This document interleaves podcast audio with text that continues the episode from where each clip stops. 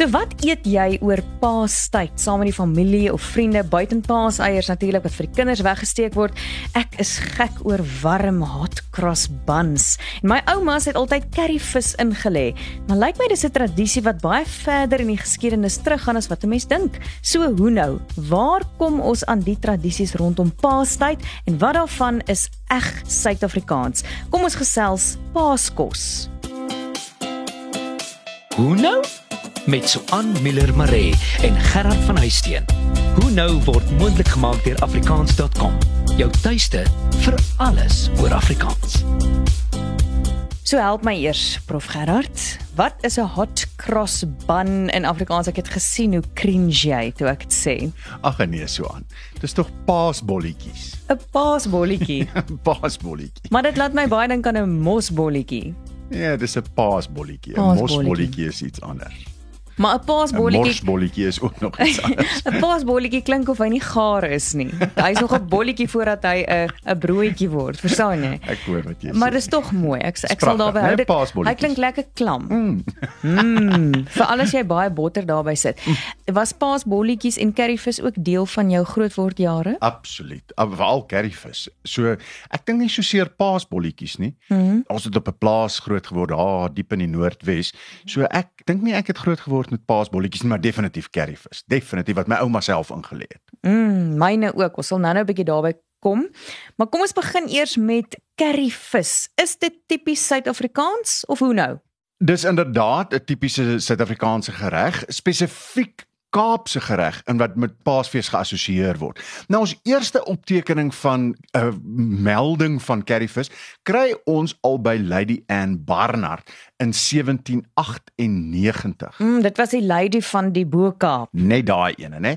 En sy skryf in van haar briewe van aan van haar vriende skryf sy oor 'n gereg wat bedien is fish of the nature of cod pickled with turmeric turmeric, né, met met met borrie.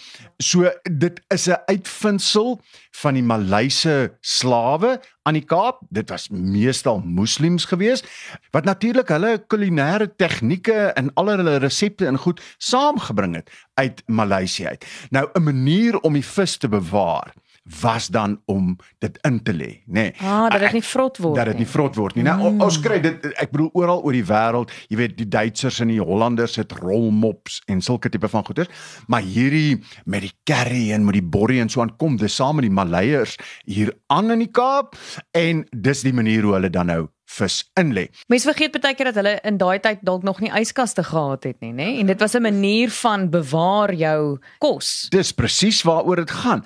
Hoekom spesifiek die assosiasie met Paasfees?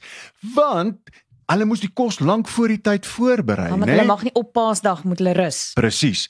En nou word die storie vertel dat dit ontstaan het die Maleisiese slawe het dus vir hulle eienaars. En so aan die kos gemaak die was meestal Christene en dan as die uit die kerk uit kom na hulle nou die hele Paasoggend die Vrydagoggend nou spandeer het in die kerk en so aan het hulle dan nou terugkom en dan het die slawe dan nou vir hulle hierdie curryvis voorgesit wat is eintlik op 'n manier 'n mooi bymekaar kom is van van die Ja. Maleiers en so aan. maar goed ons weet almal dit het allerlei slegte ondertone en so aan so ons kan dit nou probeer mooi inkleer maar eintlik dit was maar nog steeds slawe gewees jy weet Maar dis wonderlik dat die kulinaire eienskappe van soveel dele van die wêreld in Suid-Afrika opgeëindig het en dat ons so wye verskeidenheid kossoorte in Suid-Afrika nou het. presies net soos met paasbolletjies wat dus ook geassosieer word met Paasfees En net na die breek gaan ons gesels oor paasbolletjies. net voor dit jy's mos 'n ou hand in die kombuis né Stop dit. uh, kan jy so vinnig vinnig verduidelik wat is die verskil tussen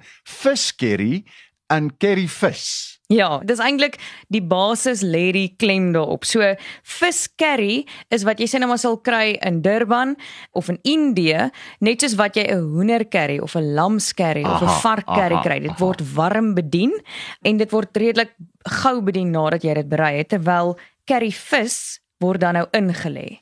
En uh, my ma, eintlik my ouma, ook daar van jou wêreld van Noordwesse kant af, hulle het altyd daar by Barberspan gaan visvang. Ja, man, Ken nooit. jy vir Barberspan? Ja, groot geword in Barberspan, hoor. Jong mense, mense het naderhand soos 'n barber gelyk, soos wat jy in daai modder gelend speel het. En dan altyd as my oupa gaan, wat was dit, geelvis gewees, gaan vang het, dan bring hy dit terug en dan staan die honderde botteltjies daar so wat ouma Hester dan nou ingelê het, né? Nee? Absoluut. En baie uie en 'n asynmengsel en suiker en sout natuurlik om hom te preserveer. En dit het hulle in die ou dae sê my pa in erdekruike ingelê. Nooit. en nou deesdae kan jy dit in enige glasbotteltjie sit maar hy word dan meestal koud bedien heerlik saam met tapas of byvoorbeeld selfgemaakte jogurt of maaska soos wat jy dan nou kan maak. En daar's 'n heerlike resep weet ek ook wat jy ontdek het nou onlangs. Op uh, marulamedia.co.za is daar 'n baie lekker resep van Rihanna Skeepers uit haar boek uit Vallei van Melk en Heuning. So lekker uitgebreide resep. Nou dit lyk vreeslik intimiderend as jy die eerste keer daarna kyk, maar is eintlik allerlei goed wat in jou huis is, nê. Nee. So gaan kyk gerus by marulamedia.co.za. dit klink vis skrikkelik lekker net na die advertensies gesels ons oor paasbolletjies Afrikaans is so lekker soos koeksisters, braaibroodjies en kondensmelk koffie. Dit is jou taal. Dit is wie jy is en hoe jy leef. Daarom nooi ons jou. Kom skryf saam aan die toekoms van Afrikaans. Vir gratis leerhulp, taalnuus, vermaak, speletjies en meer. Besoek www.afrikaans.com en volg ons op sosiale media. Koop dit, lees dit, praat dit, leef dit. afrikaans.com. Jou tuiste vir alles oor Afrikaans. Jy luister na Hoe nou met Gerard en Swan en Swan en Swan. Welkom terug. Ons het vis skrikkelik lekker gesels oor uh, ingelegde vis of dan nou 'n uh, curry vis en Lady Anne Barnard wat dit daar op die plaas meer lust in die 1700s genuttig het, maar dan ook die Maleiers wat dit na Suid-Afrika toe gebring het via die slawe. Nou is dit tyd om te gesels oor 'n ander paaskos en dit is paasbolletjies. Nou die eerste optekening kom uit 1733 van die woord hot cross buns is in 1733 waar daar verwysing is na 'n Londense straatroep na hierdie hot cross buns. Maar die gereg op sigself is veel ouer as 1733. In 1361 moet jy nou nagaan hè dis Jo, baie jare dis middeleeue. Presies. In die St Albans Abdij was daar 'n monnik genaamd Thomas Rotcliffe.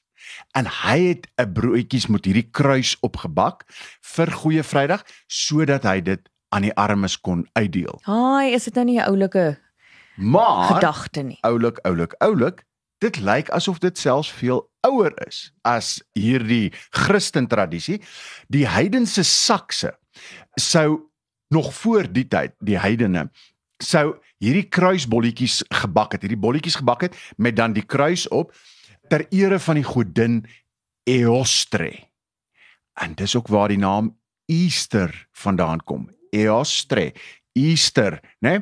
Is hierdie bolletjies gebak ter ere van haar en waarom dan die kruis? Die kruis is maar net 'n verdeling in 4 dele om te wys op die 4 seisoene.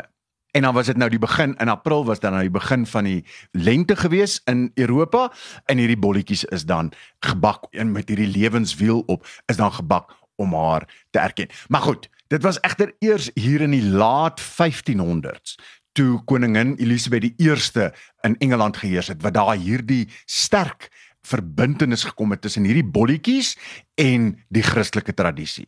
So ons kan sê die hele paas bolletjie idee kom dus eintlik hier uit die laat 1500s. En dit het 'n sterk konnotasie met Paasfees in die kerk gehad, maar die eerste keer wat mense dan nou broodjies met 'n kruis op gemaak het en die Easter of Eostre konnotasie daarin het was lank ver terug. Baie lank ver terug voor die middeleeue selfs. Wow, dis baie interessant. Nou, ek het iewers gehoor dat paasbolletjies eintlik suiwelvry moet wees. Het dit enigiets te doen met ongesuurde deeg, iets met die Christelike tradisie daarvan? Ja, so ek het ook dit gelees, uh, so aan ek kon niks daaroor kry nie as jy soek vir dairy free hot cross buns of so. Nou ja, dan kry jy by 'n paar hipsters nou natuurlik 'n resep of twee, maar ek kon ek het oral gesoek. Ek kon nêrens iets kry wat vir ons wys dat daar bewyse was dat dit suiwelvry moes wees nie. Ja, ek dink jy moet maar oor Paastyd laat maar jou fimies agter weet en sy allergies is vir suiwel en gaan koop vir jou by jou naaste bakkery 'n heerlike paasbolletjie met verskriklik baie botter op. Nee. En wat jy gesê het botter, kom ons hoor wat die luisteraars te sê het. So daar's 'n paar mense wat ook vir ons toevallig vertel het van hoe hulle oumas en hulle en hulle familie en hulle grootword jare hoe die mense vis ingelê het as dit nou kom by paaskos en ingelegde viskerry of curry vis. En baie mense het ook 'n konnotasie nie noodwendig met paasfees nie, maar met visvang wat hulle altyd as die manne gaan visvang het oor 'n naweek dan kom hulle terug met 'n karp of 'n geelvis of wat ook al en dan lê hulle dit in maar hulle sê die grootste werk was gewees om die grate uit die vis uit haal. En ek dink 'n klomp van die Kaapenaars sal seker nou hulle oë hoorbaar rol mm. as hulle hoor ons hier bo in die noorde maak curryvis met varswatervis. dit moet tog seker eintlik seevis ja, wees, né? Ja, ek dink dit hoe lekker is hy met seevis. Kabeljou en so aan. Maar hoe meer grate jy het, hoe minder voel jy waar jy met graat kry lekker kry, klaar kry, nê. Nee.